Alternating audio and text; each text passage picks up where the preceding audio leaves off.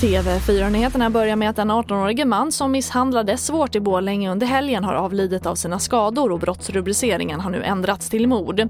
Det var under natten mot lördag som en skadad man hittades i närheten av polishuset i Borlänge och än så länge har ingen person gripits misstänkt för brottet. Och polisen i Östersund har upprättat en anmälan med brottsrubriceringen spridande av smitta, det rapporterar SVT. Anmälan gäller gymnasieelever som aktivt söker upp personer de vet är covid-sjuka för att själva bli smittade och sprida smittan vidare. Och syftet är att bli immuna till studenten i vår. Och trots polisens krafttag så ökar antalet dödsskjutningar i Sverige. Idag kommer Moderaternas rättspolitiska talesperson Johan Forsell ifrågasätta regeringens hantering av detta. Moderaterna vill nu att Sverige tar efter Danmarks hårda linje med bland annat visitationszoner. Ja, de har ju faktiskt i bred politisk enighet genomfört tre olika gängpaket och det är i princip det som vi moderater föreslår nu med visitationszoner, dubblerade straff för gängkriminella, eh, att använda hemliga tvångsmedel.